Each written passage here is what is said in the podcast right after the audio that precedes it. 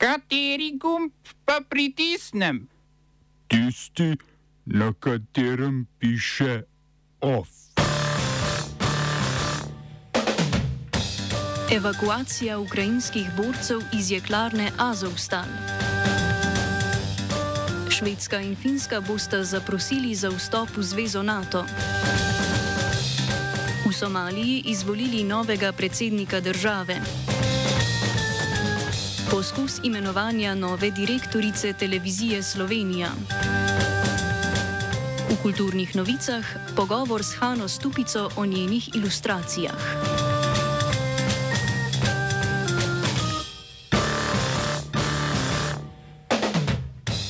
Iz jeklarne Azovstal v Mariupolu so ruske sile v ponedeljek zvečer evakuirale več kot 200 ukrajinskih borcev, ki so bili tam ujeti dva meseca. 53 so jih odpeljali v mesto Novo Azovsk, 211 pa v mesto Oljenivka. Obe mesti sta pod nadzorom proruskih sil. Dogovor o evakuaciji je bil dosežen v ponedeljek zvečer, kar sta potrdili tako Moskva kot ukrajinska stran. Pri evakuaciji so sodelovali tudi predstavniki Združenih narodov in Rdečega križa. Ukrajinski predsednik Volodimir Zelenski je v večernem televizijskem nagovoru opozoril, da ukrajinski vojaki ne bodo tako izpuščeni in bodo predmet pogajanj med Rusijo in Ukrajino.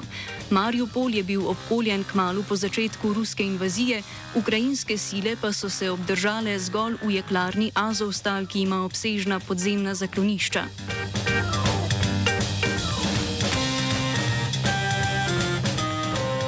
Švedska in Finska bosta zaradi vojne v Ukrajini zaprosili za vstop v zvezo NATO. Švedska vladajoča socialdemokratska stranka je povedala, da so se po znotraj strankarskem glasovanju zauzema za vstop Švedske v NATO, s čimer je državi odprla pot za nadaljne korake pri vložitvi prošnje za članstvo. Premijejka Magdalena Anderson je še zagotovila, da si bo Švedska prizadevala, da v primeru odobritve članstva na njenem ozemlju ne bodo nameščena stalna vojaška oporišča in jedrsko orožje. Finska se je medtem že odločila za prošnjo članstva v zvezi. Odločitev sta se na skupni tiskovni konferenci sporočila finski predsednik Sauli Niniste in premijeka Sana Marin. Odločitev mora potrditi še finski parlament, medtem ko švedska vlada soglasja parlamenta ne potrebuje. Na željo obeh držav po vstopu se je odzvala Rusija, ki se z njuno potezo ne bo preprosto sprijaznila. Odziv Moskve pa bo odvisen od praktičnih posledic članstva obeh držav.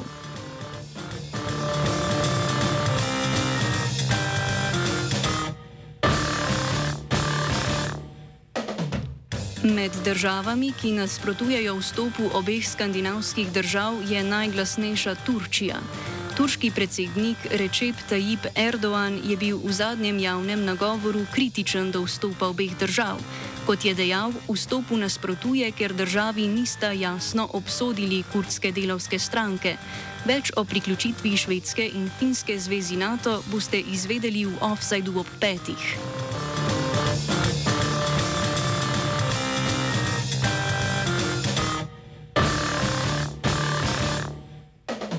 V nedeljo so v Somaliji potekale predsedniške volitve, na katerih je zmagal Hasan Sheikh Mohamud.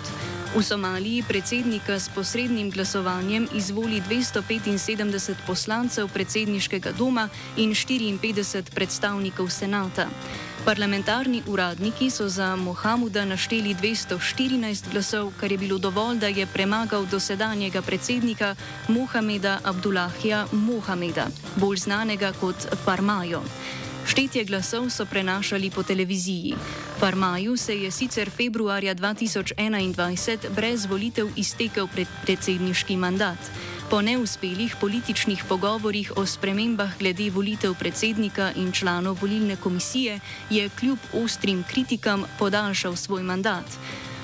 Mohamud, ki je bil predsednik že med letoma 2012 in 2017, je zaprisegel kmalo po preštetju glasov. Somalijo že več let pretresa konflikt med državnimi silami in islamističnim uporniškim gibanjem Al-Shabaab.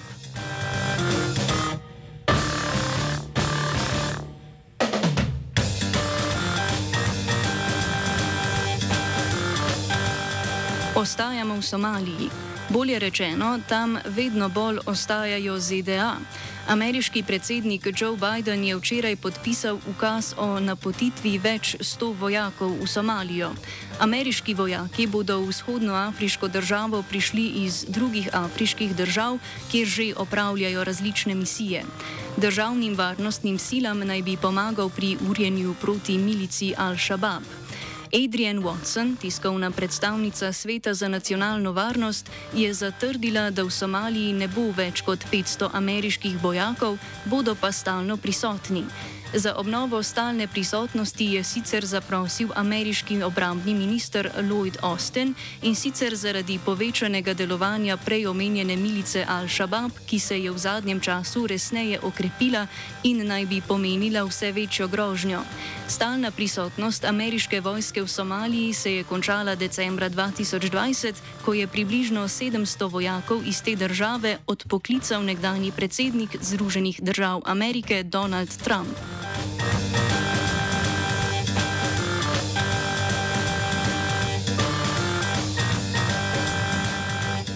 Na parlamentarnih volitvah v Libanonu je stranka Hezbollah izgubila večino v parlamentu. Osvojila je 62 sedežev v 128 članskem parlamentu. Več poslancev v parlamentu je dobila krščanska stranka Libanonska sila, v parlament pa se je uspelo uvrstiti tudi več nepovezanim kandidatom. Volitve so bile prve po letu 2019 in protestih proti vladajoči eliti.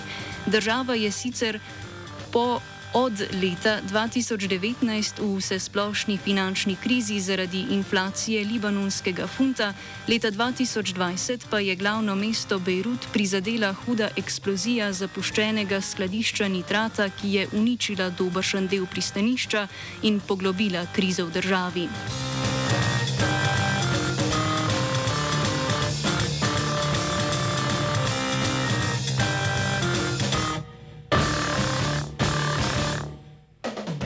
Francoski predsednik Emmanuel Macron je na mesto predsednice vlade imenoval Elizabeth Boren. Dosedanja ministrica za delo bo na položaju premijeja zamenjala žona Kasteksa, ki je bil na premijskem položaju od julija 2020. Boren zdaj čaka oblikovanje vlade in priprava, pripravlja na francoske parlamentarne volitve, ki bodo 12. in 19. junija.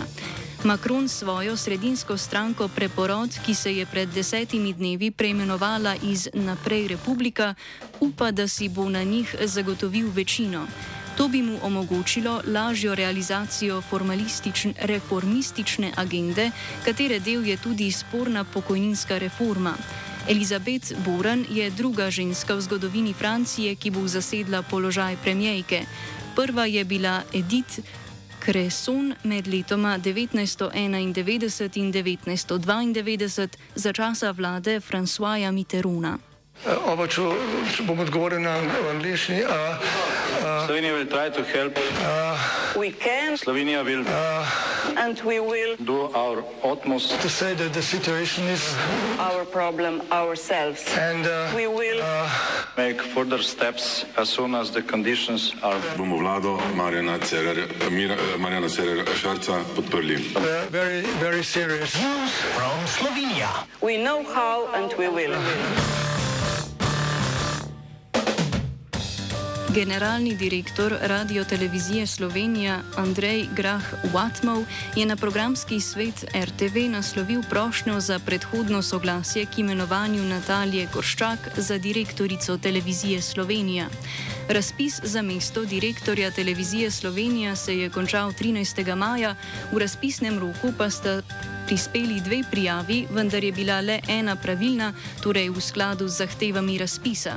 Grah Watmau je Gorščak iz istega položaja razrešil avgusta lani, a je pojasnil, da televizija Slovenija, katere vršilec dožnosti direktorja je zdaj on, potrebuje direktorja s polnim mandatom, ki bo deloval zakonito, predano in v luči javnega poslanstva. K odločitvi je prispevalo tudi dejstvo, da so pred televizijo Slovenija imenovanja treh uradnih programov, česar pa ni mogoče opraviti brez imenovanja direktorja televizije. Gorščak je sicer na mestu vršilca dožnosti zamenjal Valentin Areh, vendar mu je polletni mandat vršilca dožnosti potekel februarja letos, na razpis za polni mandat pa se ni prijavil. Po neuspešnem razpisu, na katerega se je prav tako prijavila zgolj Natalija Gorščak, je vodenje televizije Slovenija prevzel Grah Vatmov. Več o dogajanju na RTV pove Natalija Gorščak.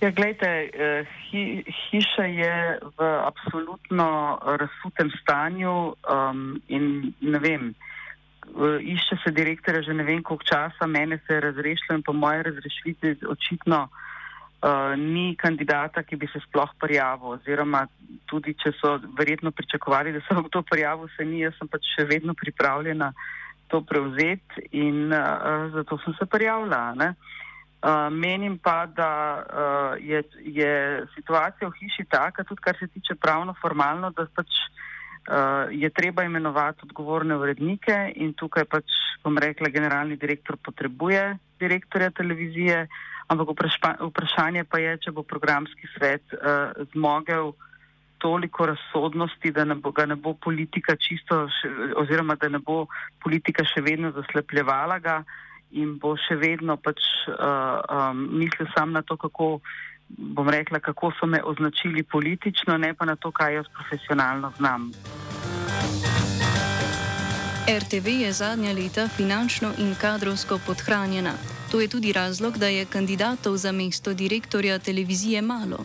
Zdaj očitno pač je situacija taka, da pač sem med predlaganimi, je pa tudi tako. Uh, da generalni direktor, potem ko pač je mojo eno vlogo označil za nepopolno in potem ko je uh, zdaj ta vloga spet prišla, mu ni preostalo drugega, kot pač da me predlaga. Ker pač, če bi me še zdaj zavrnil, ne vem, kater argument bi lahko uporabil. Tako da pač to je, bom rekla, uh, tista odločitev, ki jo je načeloma v bistvu skoraj da moral sprejeti. Nadzorni svet tovarne Melamin v Kočevju, v kateri je pred petimi dnevi delovna nesreča povzročila pet smrtnih žrtev, se je včeraj seznanil s posledicami nesreče. Po besedah Srečka Štefaniča, direktorja podjetja, so nadzorniki izrazili zaupanje v zastavljeni načrt sanacije. Uprava družbe je nadzorni svet seznanila tudi škodo, ki jo ocenjujejo na 36 milijonov evrov. Predstavljen je bil tudi načrt postopnega ponovnega zagona proizvodnje. Manjši del proizvodnje je ostal nedotaknjen in ga lahko zaženejo v zelo kratkem času. Preostalo proizvodnjo bi po načrtu lahko ponovno zagnali čez leto in pol. Na izredni seji se je z nesrečo seznanil tudi občinski svet občine Kočevje. Ta je tudi sprejel sklep o imenovanju posebne komisije, sestavljene iz občinskih svetnikov, predstavnikov zainteresirane javnosti, občinske uprave in podjetja. Cilj komisije bo spremljanje dejavnosti povezanih s sanacijo. OF je pripravil Premrov.